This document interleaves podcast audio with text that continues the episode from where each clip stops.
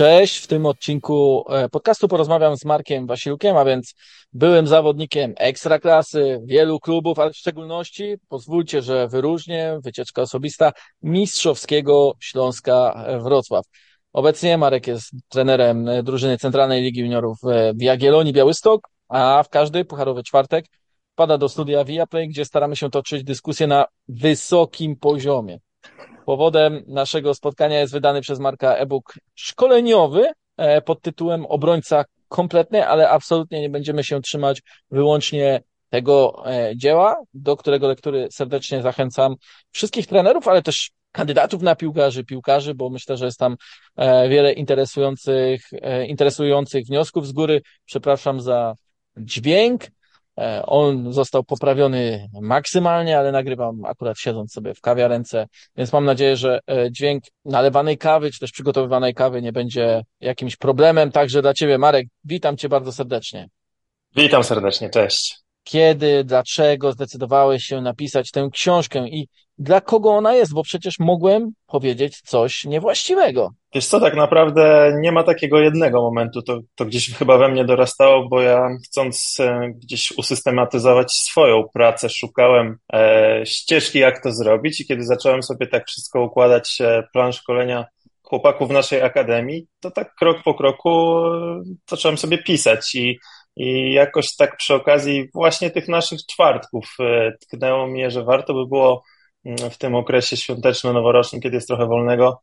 poświęcić czas, zebrać to wszystko w jednym miejscu i po prostu spisać. Drugim takim e, powodem była nasza kadra do lat 17, bardzo ofensywnie i dobrze grająca, co wbrew pozorom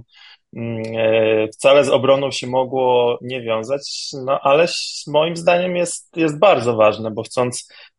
atakować coraz większą liczbą zawodników, no tych obrońców musimy mieć przygotowanych perfekcyjnie i też się z tym jakby mierzę w swojej pracy, mm, że pojedynków jeden na jeden po prostu często bez asekuracji jest tak dużo, że trzeba, trzeba tych obrońców przygotować na wszystkie możliwości. I,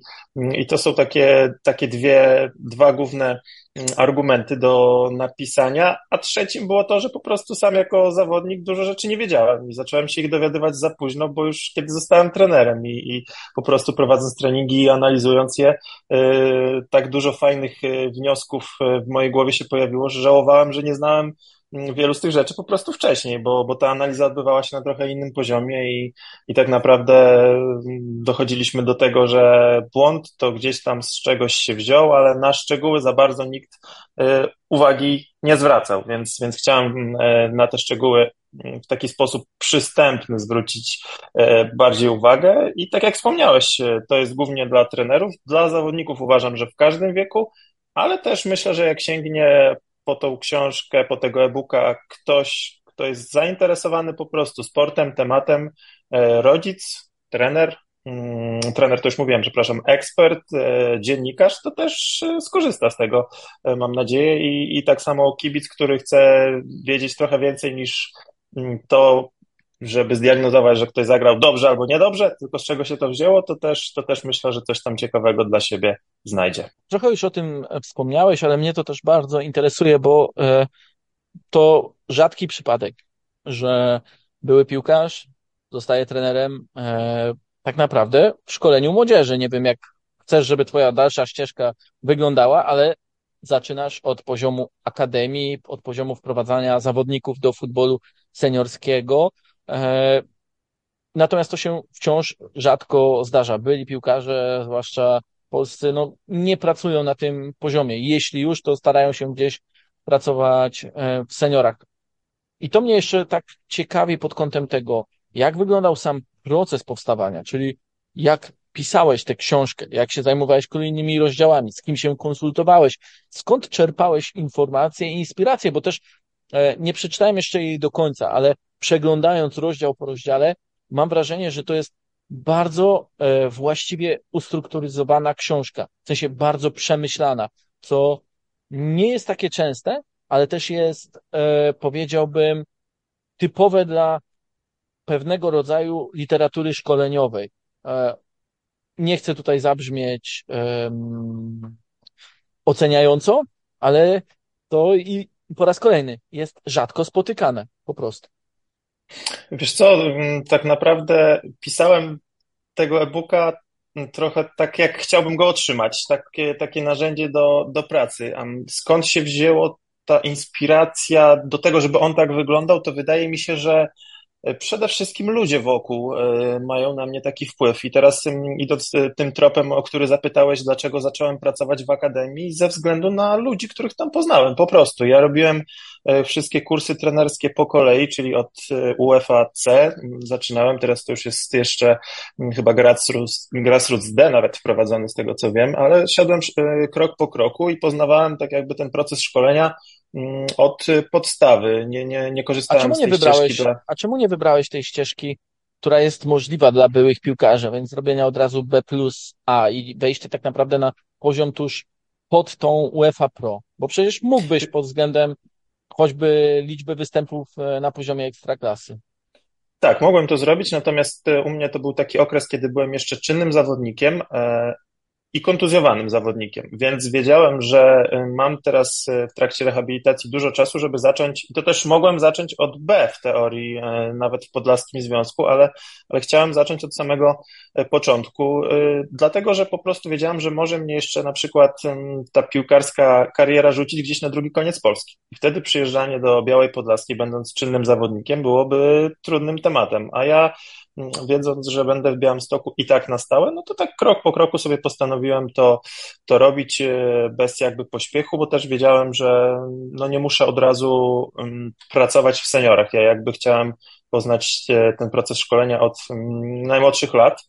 I bardzo się cieszę, że taką drogę wybrałem, bo poznałem naprawdę w Akademii Jagiellonii e, tylu wartościowych ludzi i trenerów, którzy mnie do tego zachęcili, żeby, żeby w Akademii pracować. I, mm, i, i to krok po kroku e, rozwijałem od, od drużyny U15 teraz do U19. E, nie wykluczam, że piłka seniorska w przyszłości to będzie to, co będę chciał e, robić jako trener, natomiast na dzisiaj spełniam się bardzo,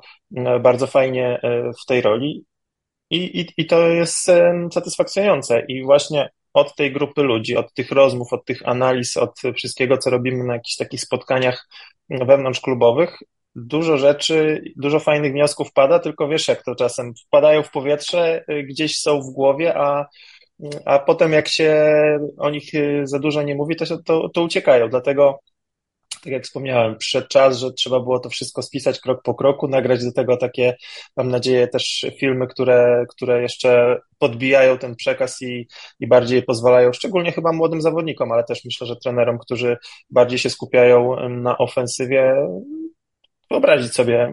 to, to o czym po prostu pisałem. Mm, no i myślę, że to taka fajna droga, że rzeczywiście wypisane punkty, jakiś mój e, też rzut na to, jak, jak ja to widzę,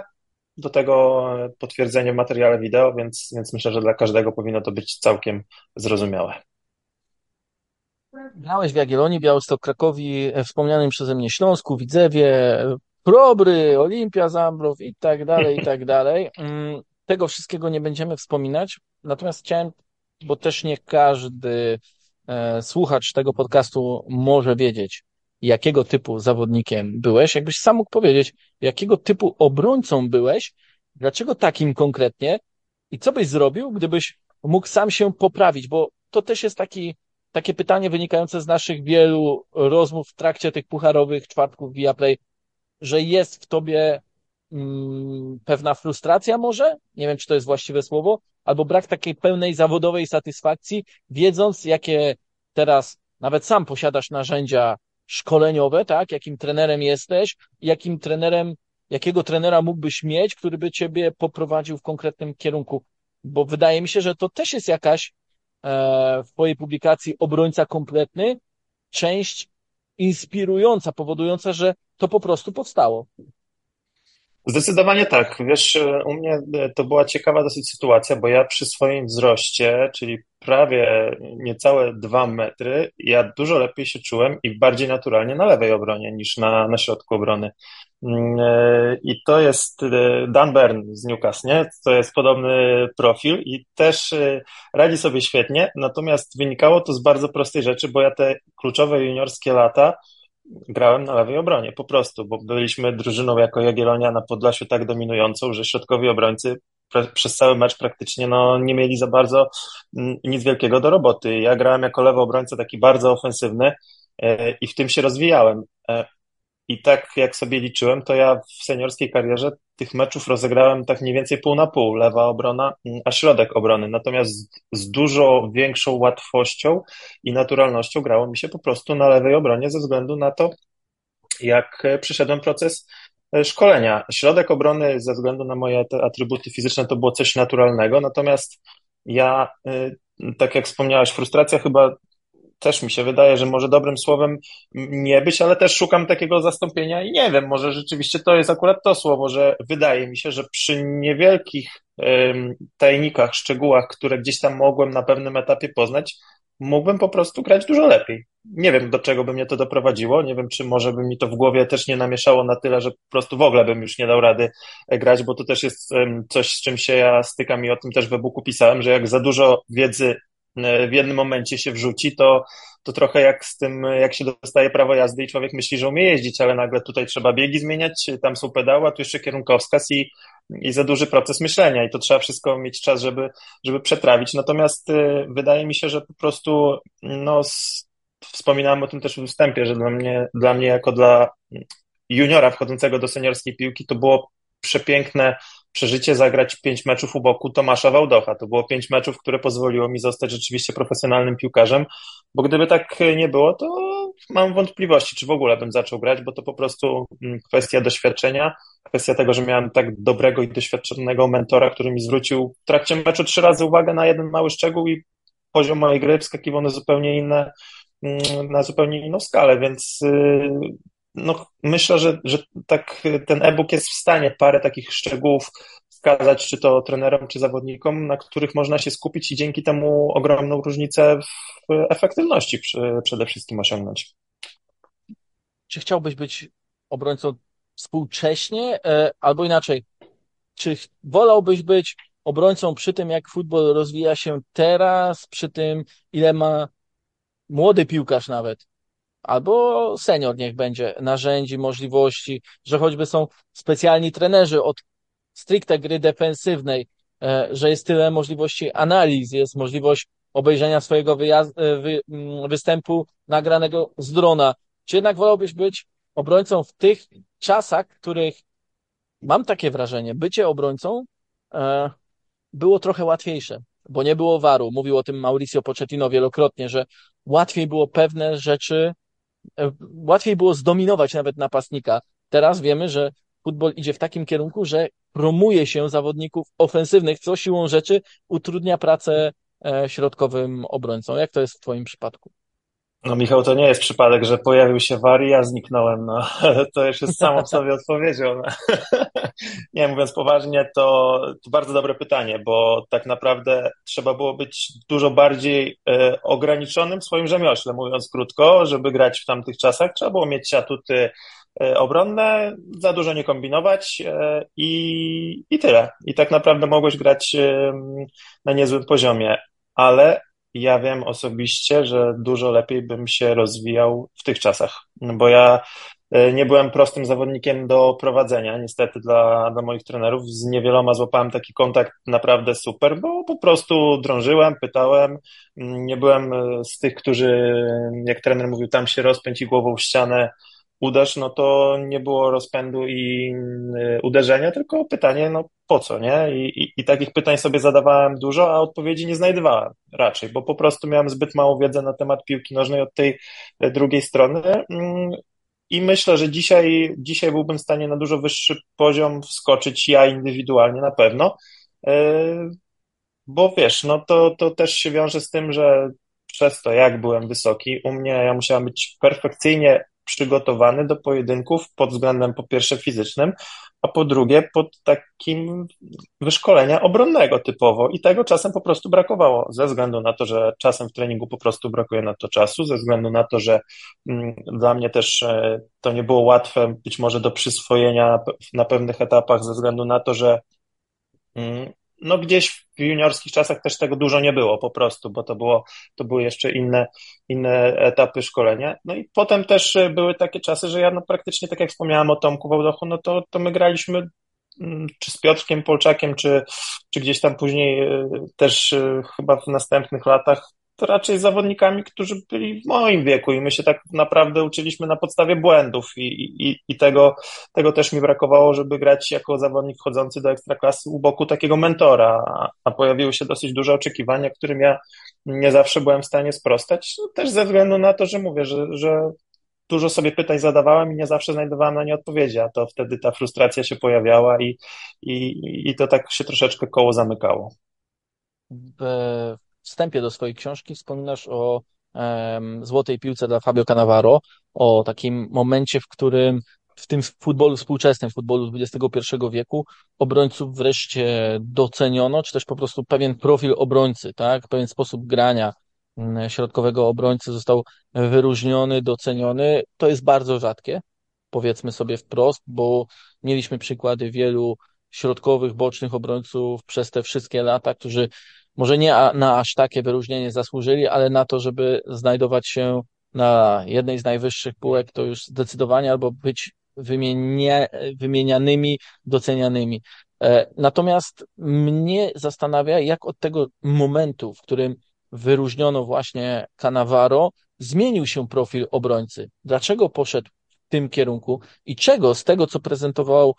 najlepszy, możemy tak powiedzieć, na bazie tego choćby plebiscytu obrońca XXI e, wieku, e, e, co on miał, a czego nie mają współcześni obrońcy.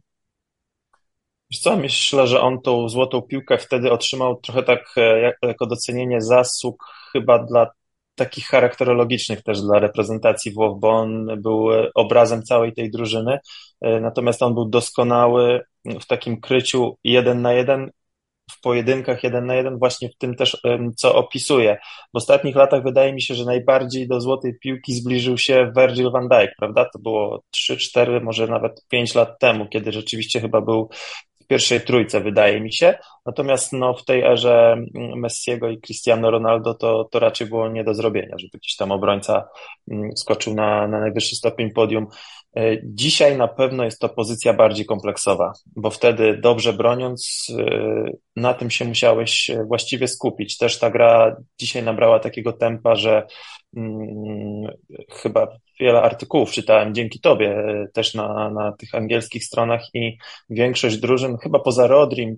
w Premier League, wydaje mi się, że to obrońcy mają najwięcej kontaktów z piłką. Są takimi rozgrywającymi właściwie w każdej drużynie, która chce grać piłkę i kreować i, no i to jest,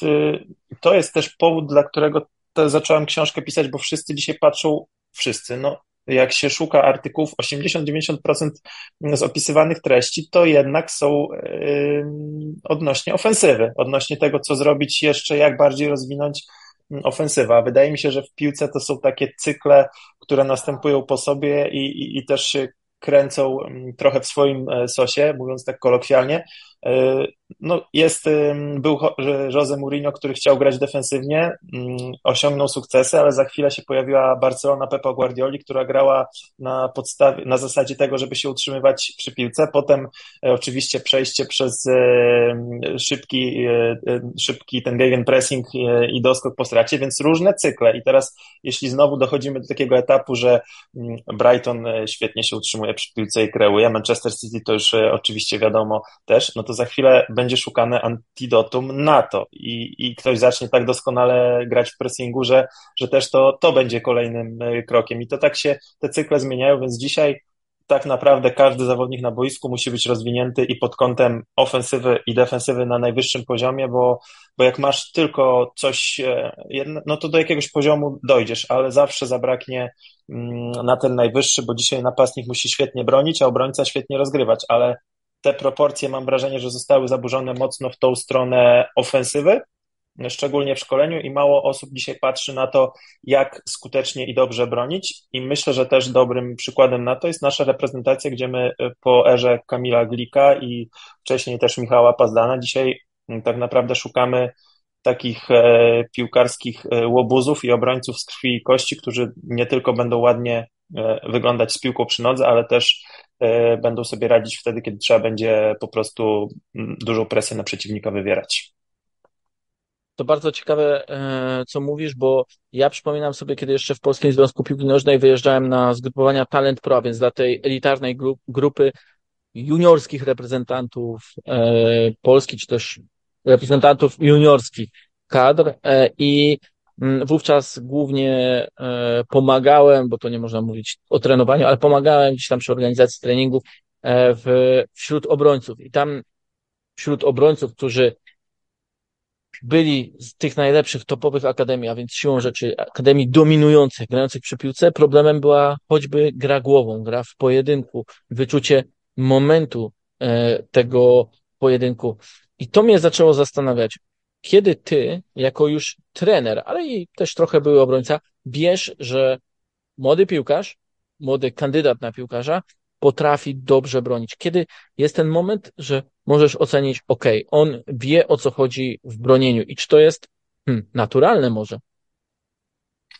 To tak naprawdę wydaje mi się, że to też trzeba na początku chyba po prostu zdiagnozować, czy komuś to sprawia radość, żeby bronić, bo podejrzewam, że chłopcy, którzy przychodzą do akademii w wieku 8, 10 czy nawet 12 lat, to tam 90-95% chce strzelać bramki albo być bramkarzem po prostu, bo to są e, takie no, najbardziej atrakcyjne chyba dla nich pozycje, tak mi się wydaje. Rzadko się zdarza, że przychodzi chłopiec, który mówi, że tak, on chce być obrońcą, bo to, to jest to, prawda?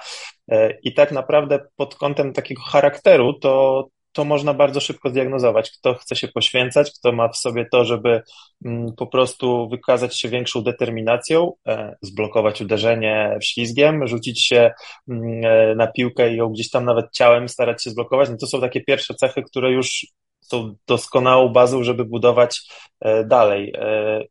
I tak naprawdę mm, też o tym myślałem i tak kolejnym krokiem chyba, którym się zajmę, to będzie jak to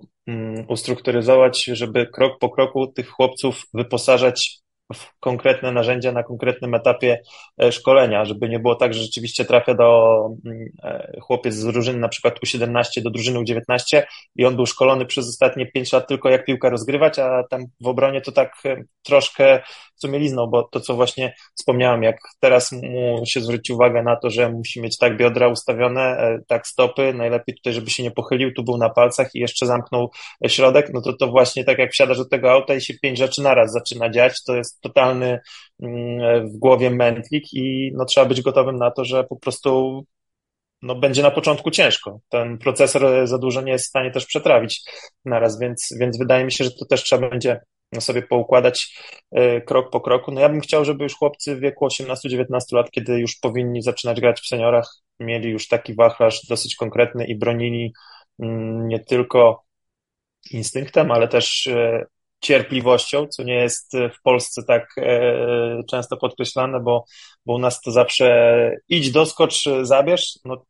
wskazana jest bardzo mocno też cierpliwość. Czasem e, nie przegranie pojedynku jest ważniejsze niż próba wygrania i, i w konsekwencji gdzieś tam mm, nieudana akcja, więc, więc to też jest, to też trzeba pokazać wielu e, zawodnikom, też pewnie trenerom, że nie zawsze mm, pojedynek musi się kończyć tym, że się piłka odbierze, bo wspomniany Virgin van Dijk, on przez y, kilkadziesiąt meczów była taka historia, że nie przegrał pojedynku, tylko on rzadko w te pojedynki wchodził, bo on bardzo często je opóźniał do tego momentu, że koledzy za niego tą robotę wykonywali i to też jest ważna mm, umiejętność, żeby tak napastnikiem pokierować w odpowiednie sektory, żeby po prostu ten pojedynek sam się rozstrzygnął, mówiąc, mówiąc już tak w dużym uproszczeniu. Wydaje mi się, że to też wynika z tego, jak bardzo statystyki zdominowały sposób oceny piłkarzy. Wspominałeś o tym, że teraz patrzy się, że obrońcy mają najwięcej kontaktu z piłką, jak dokładne jest wprowadzanie piłki, ile zaliczają progresywnych podań. Jest dyrektor sportowy klubu Ekstraklasy, który mówiąc o tym, jakiego profilu e, środkowego obrońcy szuka, to wymienia dokładnie. Musi mieć tyle a tyle